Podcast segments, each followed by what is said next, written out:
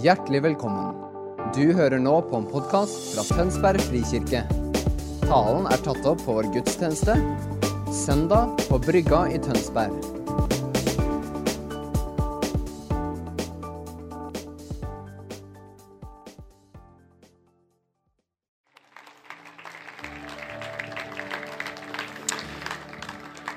Vi har nettopp feira Godhetsuka. Jeg sier feira. Er det mange som har vært ute? Ja, se der. Langt de fleste. Det er Godhet er Oi, nå ble det veldig klang. Vi trenger ikke stemning på dette, altså. Det er stemningsfullt og gripende nok i seg selv. Fordi at godhet dere, godhet eh, gir, og godhet eh, altså Godhet er en sånn dobbel greie. Vi gir godhet, og så mottar vi. Hæ? Hvor mange som har blitt velsigna av å gi godhet? Ikke sant? Og vi gjør godhet eh, for å minne oss sjøl om, tror jeg, jo, eh, at troens liv, menighetens liv eh, Det handler ikke bare om det som vi lett lander i, nemlig det individuelle perspektivet. Meg og mitt liv og min relasjon til Jesus, og hva Jesus kan gjøre for meg, og eventuelt hva jeg kan gjøre for ham. Men det handler om at vi faktisk, som kirke, er gitt et oppdrag. Jeg spurte Hermund, som vi snart skal få på podiet, hvilken tekst vi skulle ha som lesetekst for dagen. Kulturmandatet, svarte han.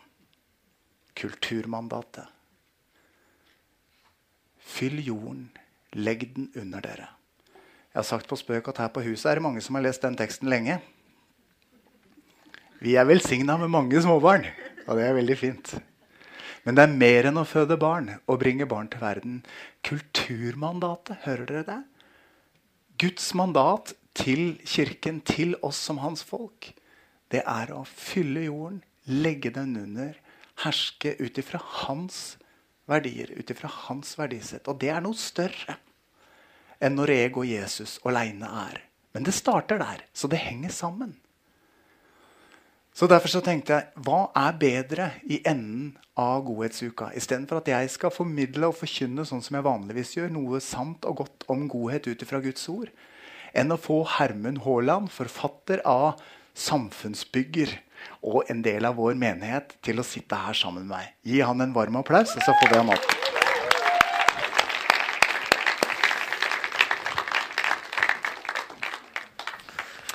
Velkommen her. Takk. Dette er koselig. Dette har jeg gleda meg til. Ja. ja. Ja, jeg også. Dette er jo kjekt. Ja. Her er boka. 'Samfunnsbygger. Kirken ut av isolasjon'. Vi skal snakke litt om den. Men, men, først Hermund, så må vi, må vi få liksom litt mer kjennskap til hvem er Hermund? Litt sånn, hvor, hvor startet det hele? Altså, ikke for detaljert, men Hvor kommer du fra? Hva bærer du med deg? Hvorfor er du her nå? liksom? Hva, hva er din fortelling? Ja, nei, Det er veldig rart altså, at en bergenser har eh, forvillet seg bort til, til Tønsberg. Ja, men noen nå har jeg jo kartlagt Mm. eh, bergensere på monter og gullsmedforretninger, så nå har vi en liten forening på gang. Nei, eh, vi eh, har bodd i Oslo i åtte år, eh, så, så når vi liksom skulle ha litt mer plass i livet, så satt vi passeren rundt Oslo. og så Hvor kjente vi flest gode folk? Og hvor hadde vi lyst til å bo? Så da ble det Tønsberg. Eh, Det er vi glad for. ja, veldig Ja. kjekt. Vi begynner å trives godt. Så bra. Men jeg er altså oppvokst i Bergen med en kristen familie i Misjonskirken der. Eh, Fem, vi var fem gutter Mm. på syv og et halvt år, så det var ganske intenst. Jeg husker best, altså, Det jeg forbinder mest med Haaland, vet du, det er pappaen din på Oase og undervisning. Ja. Vi, vi møttes ikke der. Nei, Nei. jeg satt og hørte på min far på den. Ja, du gjorde, Ja. Vi var der samtidig. Ja. Ja. Men du var aktiv, dere som familie var aktive Mm. i menighet. Men mange forskjellige menigheter. ja, litt sånn eh, Mange har jo opplevd kirkedelinger og splittelser. sånn, Ja, Så ja. vi, på et eller annet tidspunkt så ble vi spredd for alle venner. Så Mm. jeg fikk en runde i det som var levende ord. Eh, på godt og vondt. Eh, noen i kristen fellesskap, noen i Kristkirken. Så da Ja. ble vi spredt. Og der var du ganske engasjert. Ja, jeg var ansvar for tenåringsarbeidet. 100 tenåringer. Det var jo en stor menighet. Og det ble en ganske sånn eh, interessant opplevelse. For da opplevde vi at uh, når jeg tok en håndsopprekning, så, så var det 50 av de som ikke kjente en ikke-kristen person i det hele tatt. Av de du var leder for? Av de jeg var leder for. Ah. Ja. Så i dette ekspansive, trossterke miljøet da, på en måte som du var leder for, eh, så var du som leder samtidig som du hadde også en helt annen side. En samfunnsinteresse, et samfunnsengasjement. Fortell litt om det. Ja, fordi Da må vi gå litt tilbake. Når jeg var liten, åtte år Det er noen her som er litt eldre også, som husker Gro Harlem Brundtland og Kåre Willoch. Ja. Jeg, jeg satt jo på med NRK på, liksom, på kvelden og så på disse to som åtteåring og syntes det her var veldig spennende. Kåres belærende tone. Ja, jeg likte nok Kåre best. Men jeg vet ikke. Så den uh, samfunnsengasjementet Jeg startet en avis da jeg var ni år. og Den fikk uh, opplag på 1000 etter hvert. Kom ut hver måned, Og 100 abonnenter. Ja. Så, så vi var liksom litt gründerdriftig som ni-tiåring. Ja. Uh, men så møtte Jesus da, altså Han var en del av familien, men, men etter et år i Ungdom i oppdrag på Hawaii i Australia som 12-13-åring, så var det altså en sånn vekkelse i bergensområdet der 100 stykker ble kristne på en høst. Mm. Det var eh, Rolf Auke, for de som husker han, som hadde møter i 1989. Og Måtte en østlending til. ja, det måtte en østlending til. Han var veldig morsom og satt, skapte litt liv i leiren her. Eh, og Kurt og Roland. var liksom. Ja da, skikkelig. Eh, så jeg ble født med Den hellige ånd, og da ble det jo fyr på leiren eh, på, på, på kannen. Og så ble det liksom Jesus for alle penger gjennom hele tenårene. Eh, og, og, men det som var interessant, var jo at eh, forståelsen av liksom å, å leve helhjertet for Jesus, det var at da måtte vi bli pastor eller menighetsplanter eller lovsangsleder. Mm. Så det var liksom den retningen Sånn det trakk. tenkte jeg. Ja. Mm. Så vi tenkte liksom, Se åssen det Det gikk. gikk, ja, men det, Du ser ut som du trives der. Ja, jeg gjør det. Fortell, fortsett. Unnskyld. Ja. Nei, så Det var jo interessant at uh, denne energien gikk der. Så da dro jeg på DTS, og så var det bibelskole i Sør-Afrika i to år. Eh, og der var det veldig fokus på liksom, tjenestegavene i Fesane 4.11. Men så så jeg også en menighet som var veldig samfunnsengasjert. Så det var egentlig veldig bra å se hvordan dette begynte å henge sammen. da. Og at jeg fant tilbake til meg sjøl etter hvert. Ja, for når vi prata sammen før denne eh, søndagen, så sa du at på et eller annet tidspunkt så måtte du gjenvinne det naturlige livet. Hva mente du da? Ja, det, det hang jo også sammen eh, det var med at denne her levende ord-opplevelsen ble intens eh, sånn i møt, gudsmøter og gudsnærvær og sånt. Men eh, jeg så etter hvert at gjennom 20-årene at mange av de som var veldig begeistret for Jesus med, i vår vennekrets, eh, falt ut av engasjementet for Jesus. Hjertet ble kjøligere og kjøligere. Eh, og så begynte jeg å lure på altså Det er den største sorgen som jeg fortsatt bærer på. At så mange som ikke, var bare mm, satt i, i radene, men var lovsangsledere og, og, og ungdomsledere, kunne plutselig skli vekk etter å ha opplevd Guds kjærlighet så sterkt. Um, og Da måtte måtte jeg prøve å finne ut av dette, og det hang sammen med en egen reise. da. Så det, det som hjalp, var vel kanskje som sagt liksom helt eh, landet dette på Det var den forskningen som jeg nå oppdaget i, i fjor når jeg begynte å jobbe med denne boken. Der, eh, eller jeg oppdaget den for noen år siden. Da, der at man i USA, Barna Research heter de, et sånt kristent forskningsinstitutt, hadde intervjuet 2000 unge som hadde vokst opp i menighet, akkurat som, som jeg og mine venner, men falt ut. Og i 2000 intervjuer da kan du begynne å liksom se noen trender. Og de fant ut at det var tre grunner. Det var manglende disippelgjøring. Litt for mye underholdning. Eh, manglende kobling mellom generasjonene. De fleste av de som ble intervjuet, kjente ikke noen andre voksenpersoner utover sine foreldre til å snakke om livet med. Drikke kaffe med. Og så var det manglende kobling mellom tro og arbeid. Det som skjedde på mandag til fredag.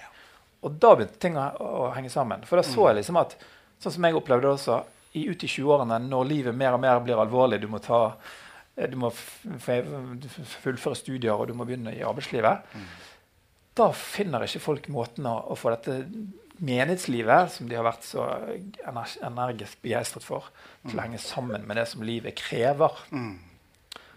Og det gjør at altså, vi mister 70 av menighetsbarna våre. 70% Det er en virkelighet som vi trenger å ta inn over oss. Er det ikke det, dere?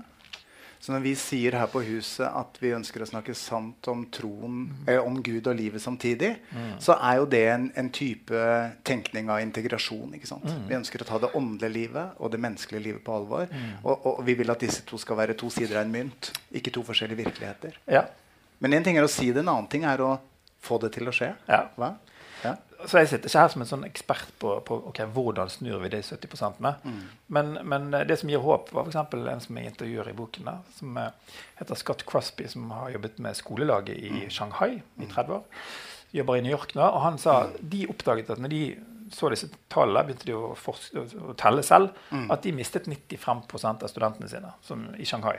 Ja. Men så begynte de å jobbe med disipuleringen, koblingen mellom generasjonene og koblingen mellom troarbeid. Mm. Og så på noen få år klarte de å snu eh, trendene sånn at de beholdt 85% Så det betyr jo at det, det her er ikke sånn uh, rakettvitenskap som Mm. vi trenger å reise til NTNU på Trondheim for å finne ut av. Ikke sant? Vi kan faktisk begynne å se på disse tre punktene.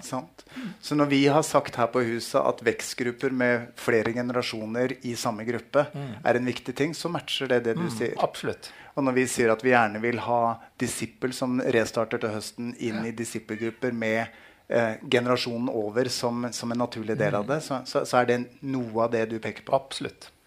Ja, Så drøm- vi motiverer oss. Jeg tror ikke vi trenger, klarer å, liksom, å få det der statistikken ned i null, men jeg tror hvis vi jobber med det som Kirke-Norge, Ja. så kan vi kanskje få det ned i 50-40% Det ville være fantastisk. Mm. Det er mulig.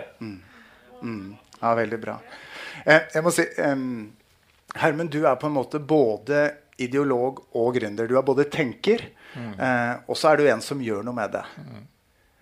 Det fascinerer meg. Veien til skaperkraft. Ja, det var også sånn, eh, Igjen hang det sammen med min egen trosreise og kallsreise. da. Men eh, når jeg var så begeistret for Jesus i, i tenårene, så var det jo liksom eh, drømmen om å finne kallet. da, eh, ikke sant? Eh, noen av dere har hørt om Øystein Gjerme. Vi var jo gode busser på videregående. Og drømte om å liksom fylle stadioner i Afrika og eh, se Guds kraft røre på millionene. Men, men, men jeg måtte altså oppdage at denne samfunnsengasjementet det, det, det lå som en sånn dyp åre eh, åre i meg. Eh, skal ikke ta alle detaljene, men, men, eh, men jeg hadde vært politiker, jeg hadde vært gründer. Eh, men jeg, liksom, jeg brant for eh, å se at Guds rike var relevant for hele tilværelsen, hele samfunnet. Og egentlig så var det noe, en, en sånn sterk opplevelse i Bergen frikirke på et møte i 1993. da Jeg gikk i andre på videregående. Der en amerikansk predikant igjen da, snakket om at Gud var opptatt av hele nasjoner, og ikke bare kirken. Ja. Og det slo jo ned som et lyn i meg.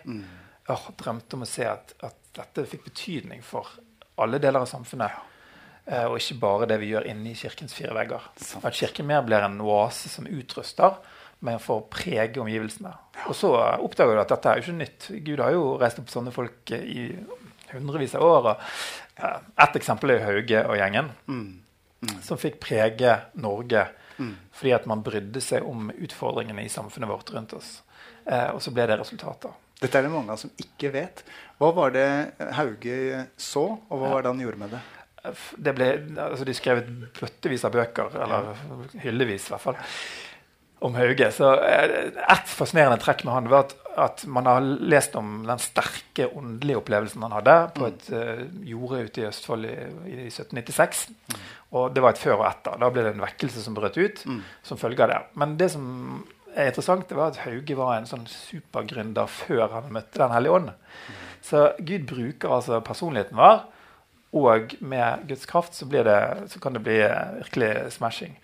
Men det som skjedde var jo at det ble en kristen vekkelse. Og så så han at når den vekkelsen brettet rundt seg, så var det stor nød. Det var hungersnød. Det var, det var, folk var undertrykket pga. samfunnsstrukturene med en elite i Kristiania som trykket ned, og man måtte ha pass for å reise til nærmeste by og fylke. Så, så folk levde ufrie og eh, bokstavelig talt sultne liv. Så, så med denne gründertrangen så så han at nei, vi må også starte arbeidsplasser. Så han startet jo 30 bedrifter selv, og så nettverket han, han startet flere 100 bedrifter på veldig få år, mellom 1796 og 1804. Um, så hans store ting var jo ånd og hånd. Det henger sammen. Yes.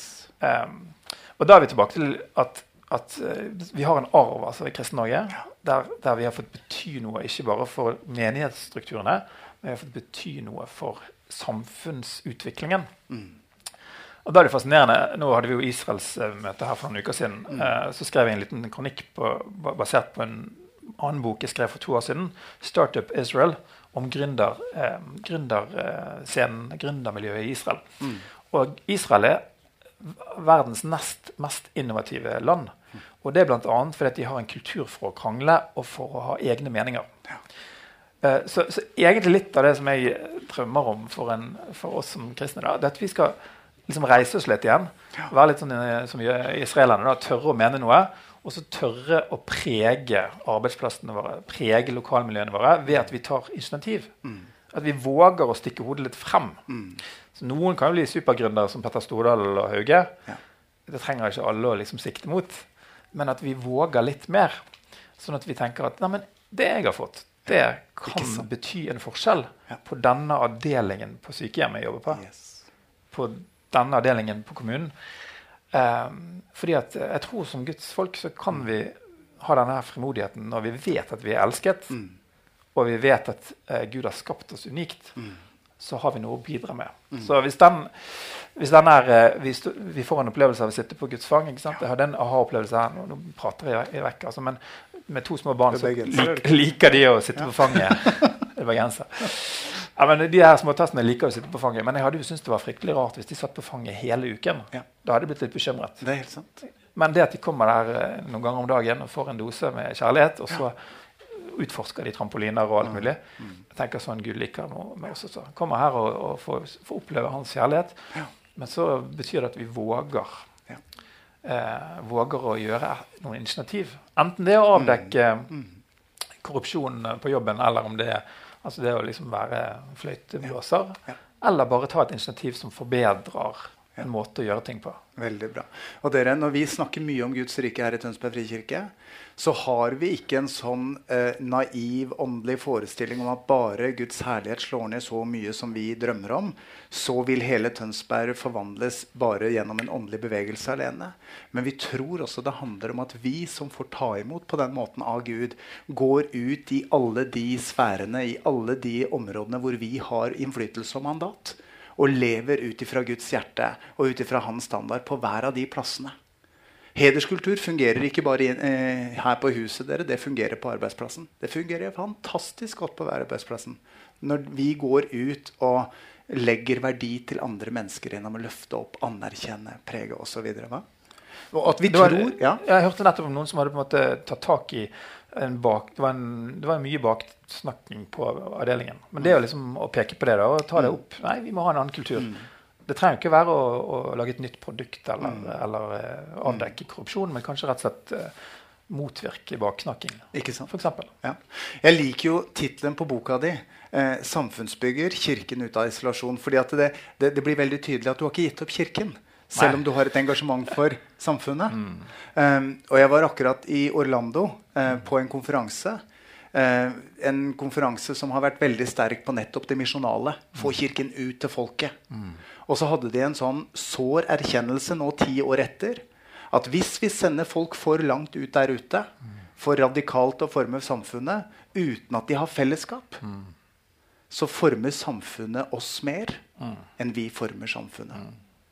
Hvis vi tror at bare fordi vi har Jesus i hjertet, så er vi samfunnspåvirkere der vi er, så er vi ikke det hvis vi er aleine. Mm. Og, og, og, dette er på en måte noe av det som klinger allerede i tittelen på boka di. da. Nei, altså Sekulariseringen som gjør at samfunnet plukker mer og mer vekk eh, rammeverket som har vært preget av kristen tenkning, mm. gjør jo at vi selv, akkurat som ble fristet til å ta en lang digresjon, men vi må, jo, vi må, jo, skape våre liv. Det er jo så utrolig slitsomt på alle mm. felt mm. for tiden. Mm. Gjennom Facebook og alt mulig.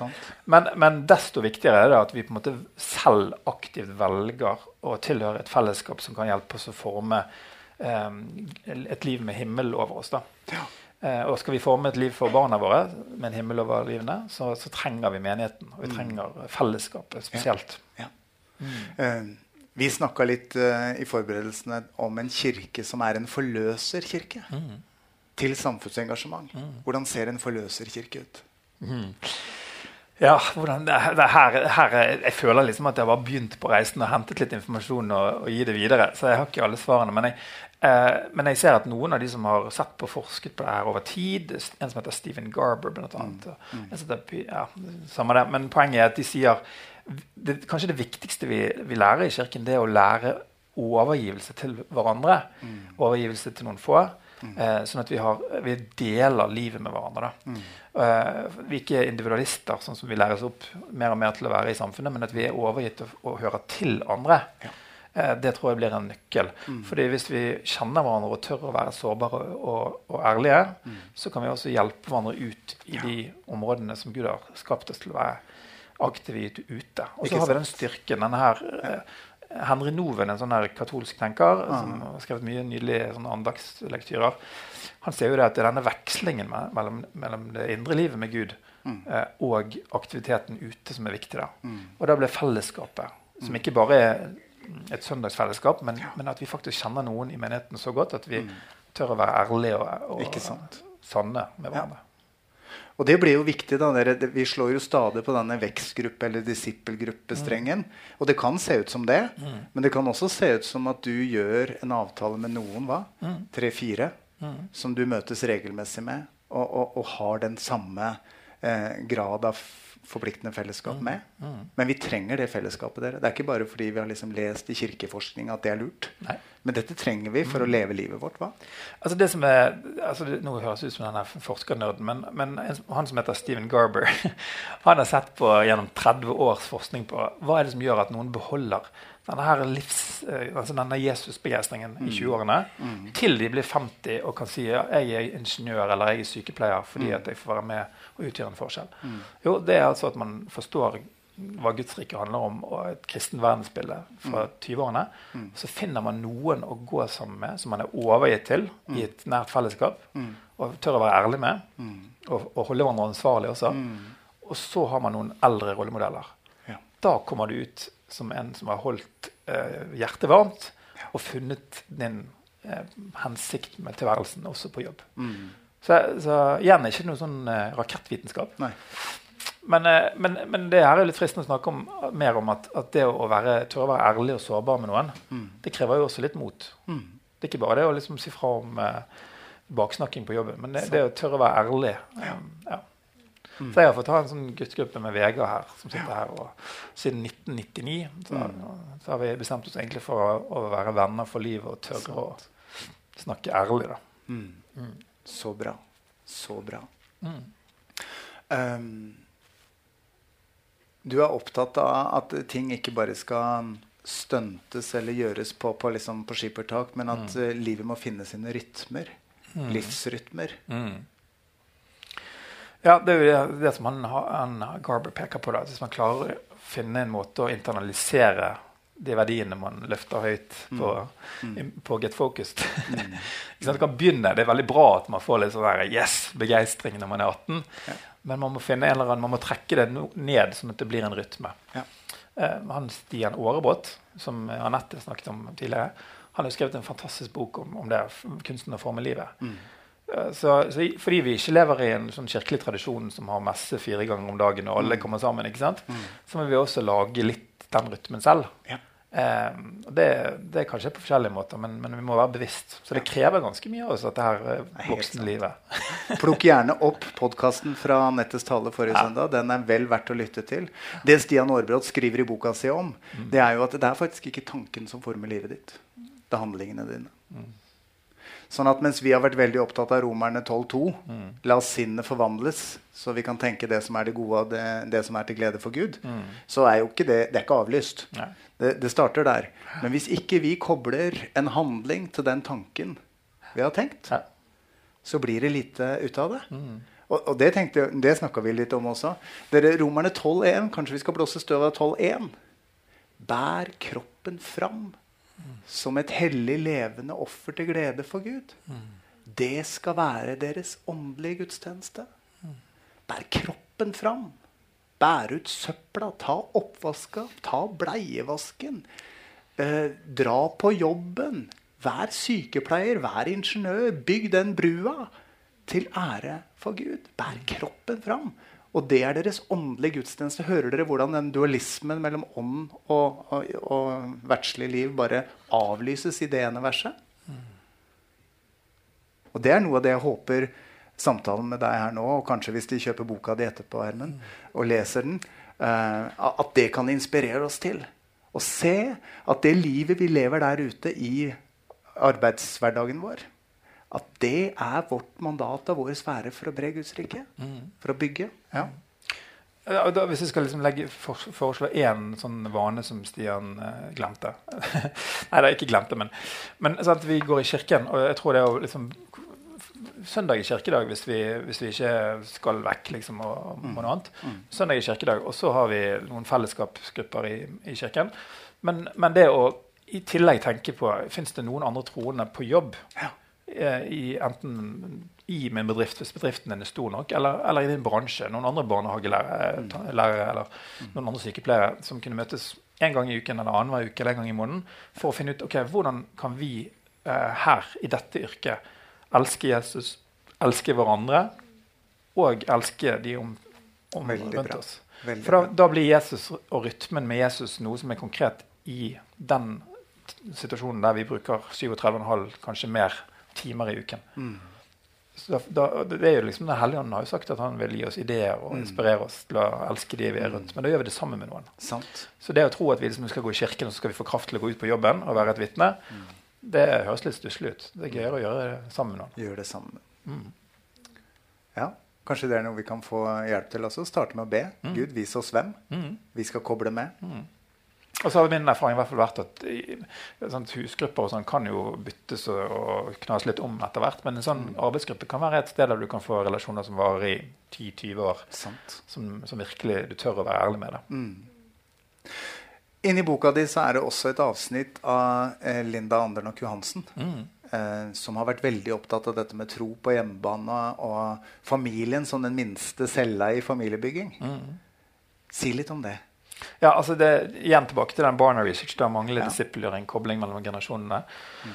De to første punktene, altså tro og arbeid, det er jo begrenset hvor mye jeg kan snakke med jenten min på sex om, eh, snart sex om hva hun skal bli når hun blir stor, og hvordan det skal se ut. Men, men eh, hvordan, eh, hvordan disippelgjøringen Den begynner jo fra de er født. Eh, så Barna Research kommer med en ny rapport nå i januar som heter 'Spiritual Dynamic Families'. Og, og Der de hadde forsket på hva er det som gjør at en familie klarer å formidle tro eh, godt. Yes. Og da er det nettopp å lage noen rytmer i familielivet. Og vi har liksom begynt med vår husgruppe her med, med fire ektepar at vi annenhver fredag så samles vi og spiser taco sammen og, og har en andakt og, og, og gjør dette Jesuslivet naturlig i, i hverdagen. Det viste de var en, en viktig ting. Å ha andagsliv, lovsang, litt sånn i huset, så ikke det skjer bare i kirken. Mm. Uh, og en del pastorer jeg har snakket med, spesielt en som er en større kirkeplanting, de begynte jo å se at etter 15 år med en kjempekirkevekst, så mistet de menighetsbarna som bare hadde gått på søndagsskolen. Mm. Men de som hadde, levd, hadde hatt familier som levde ut troen hjemme, de ble fortsatte i menigheten. Så dette her eh, troslivet må skje. Men i tillegg så, så det, sa de disse barna research at hvis du i tillegg var litt gjestfri, det er lurt å invitere på, invitere på kaffe, da kommer det inn voksenpersoner som får bli rollemodell for barna dine.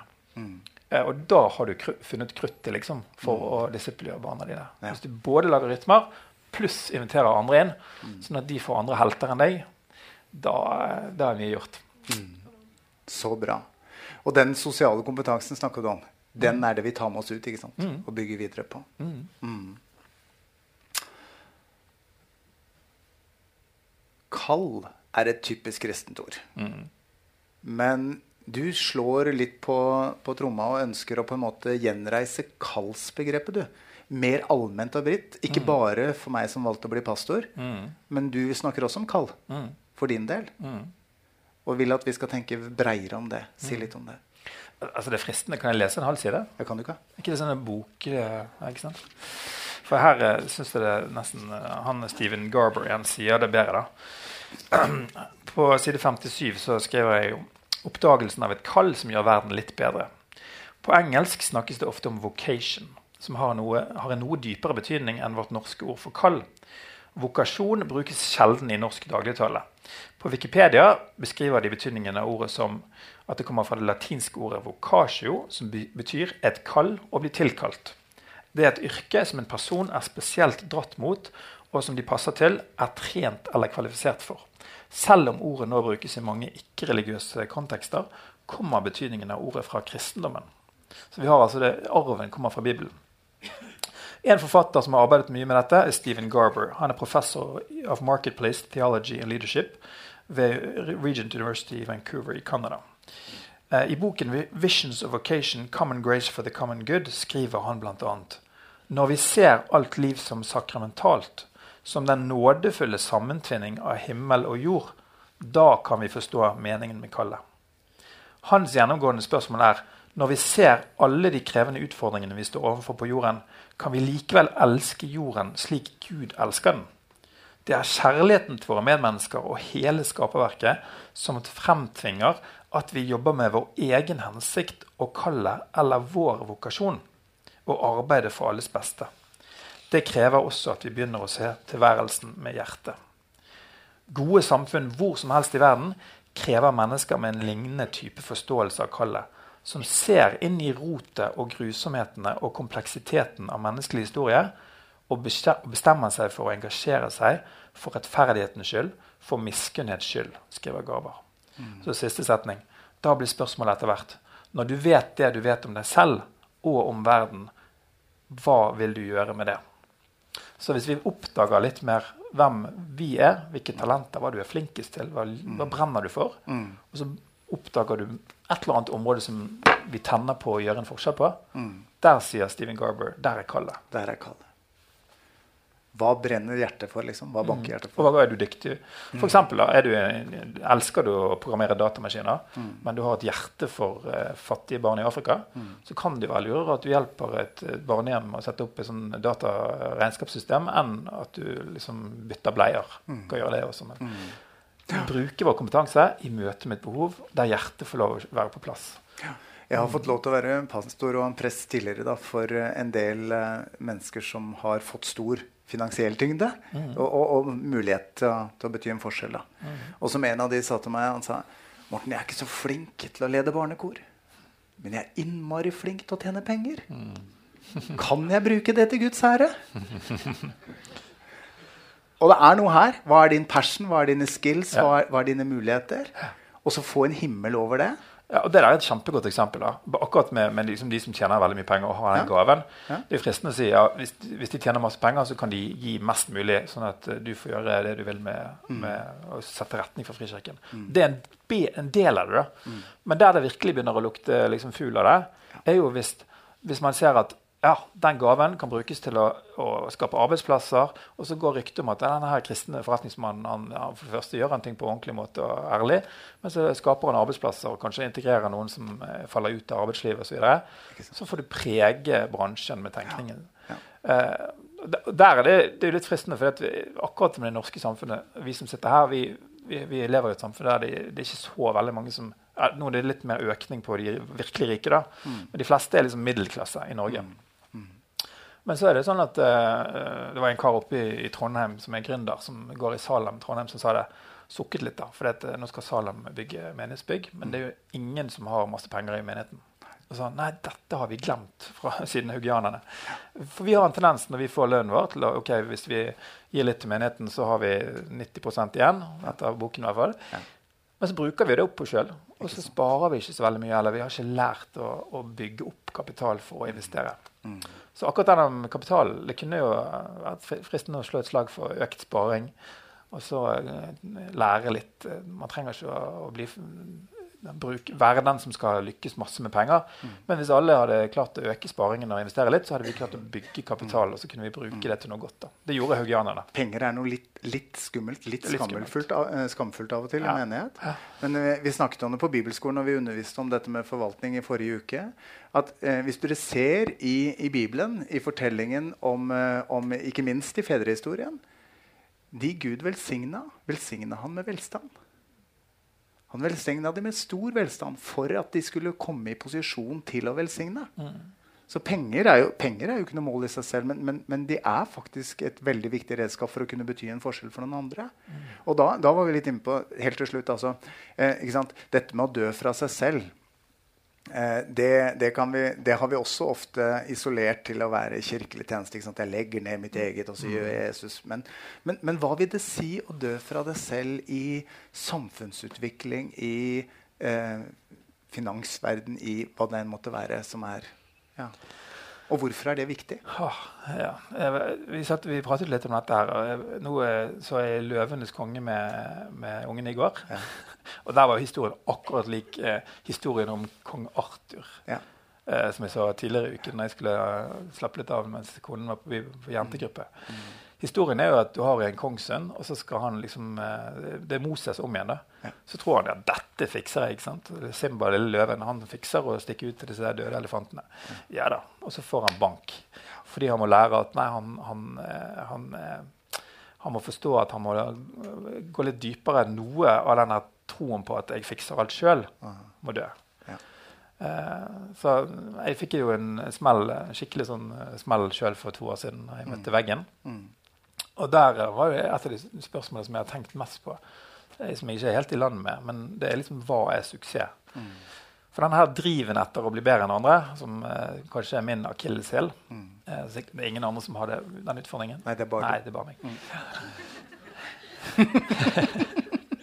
jeg tror det er kanskje den det handler om. Mm. At det, den har ikke Gud så veldig behag i. At vi skal bli, tenke at vi skal bli så mye bedre enn Mm. enn andre. Men det at vi får bruke gavene våre Mm. til å ære Han mm. og trives med livet og elske, elske vår neste med, det er bra. Ja. Men da må kanskje alle simbaene i oss få en runde med en smell med noen hyener Ja. som skraper oss opp litt. Ja. Og jeg tenker dere, ikke sant? I beste fall så har vi kommet til verden med noe eller litt, eller mye.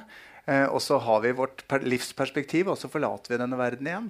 Eh, sånn at det, det å liksom eh, tjene til livets opphold er for lite perspektiv. Enten du tjener mye eller lite.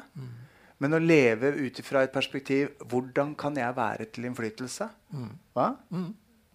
Hvordan kan jeg være til velsignelse? Gud velsign meg, så jeg kan bli til velsignelse.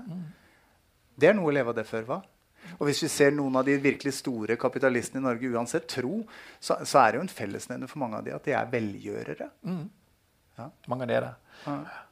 Og hvordan kan vi, da vår, vår, øh, Eller ofte, i hvert fall hjemme når vi ba for maten, så, så ba vi sånn her Gud, takk at du velsigner oss med alt vi trenger, og uendelig mye mer. Og det var vår proklamasjon i tider hvor det ikke var så fett. og, så, og så har det vært vår takk når vi har hatt det godt.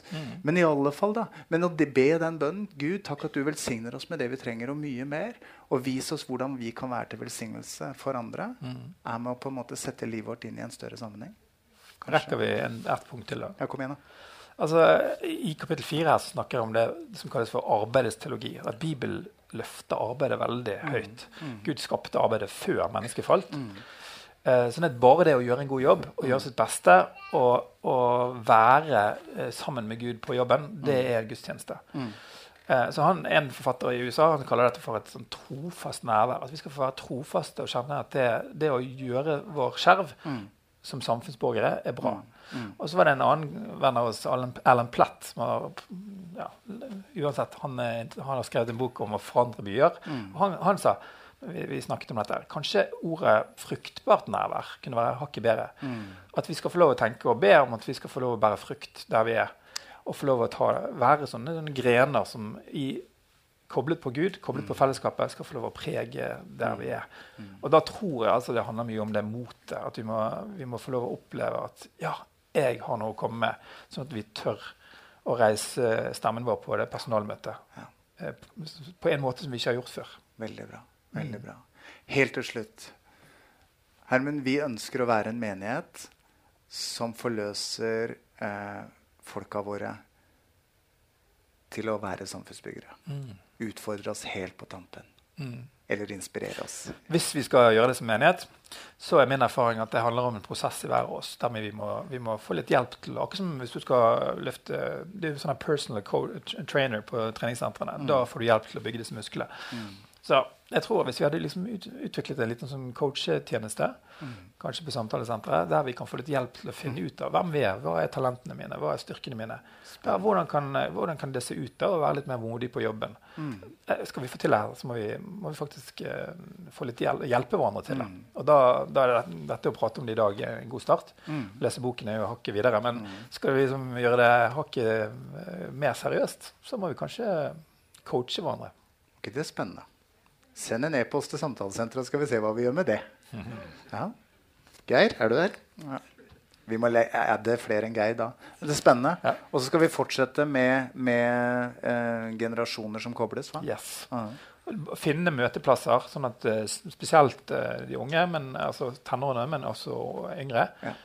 blir trygg på andre voksne og, og får gode venner som er eldre. Så de har flere å snakke om livet med. Og så har jeg tenkt um, det her, At det skal være en kobling mellom det vi gjør her på søndag formiddag, og det livet vi lever der ute, det tenker jeg er et ansvar vi må ta sammen. Uh, vi som leder kirke, vi må sørge for at tingen som skjer her, er relevant. Og dere som lever det meste av hverdagen deres der ute, må bringe inn hva, hvor skoen trykker, hva som er livet, og hva som er virkeligheten, sånn at disse tingene kan møtes. hva? Disse samtalene Ja, og da tenker jeg liksom, da kan kirke, jeg drømmer i hvert fall om en kirke som er skjelettet i tilværelsen, storfamilien. Yes. Men ikke kanskje øh, det, det du ser, er jo armen og ø, hodet og alle disse Mm. tingene som eh, folk ser rundt oss. At, at kirken får være livspulsen, rytmen. Yes. Men ikke en sånn sær greie som jeg hører til fordi at jeg er interessert. Men dette er grunnen i livet, da.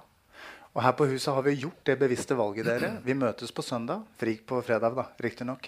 Men ellers så er det på tirsdag og onsdag vi gjør kirke. Ikke flere dager. Og det er nettopp for at vi skal få lov til å være der ute. I alle de andre sammenhengene. Å være kirke ute i samfunnet. Og bidra i det livet som vi faktisk er kalt til å leve. da. Kulturmandatet.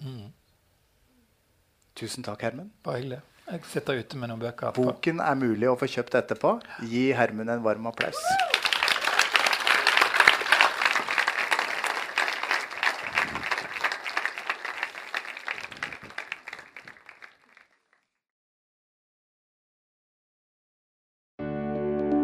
Takk for at du hørte på vår podkast.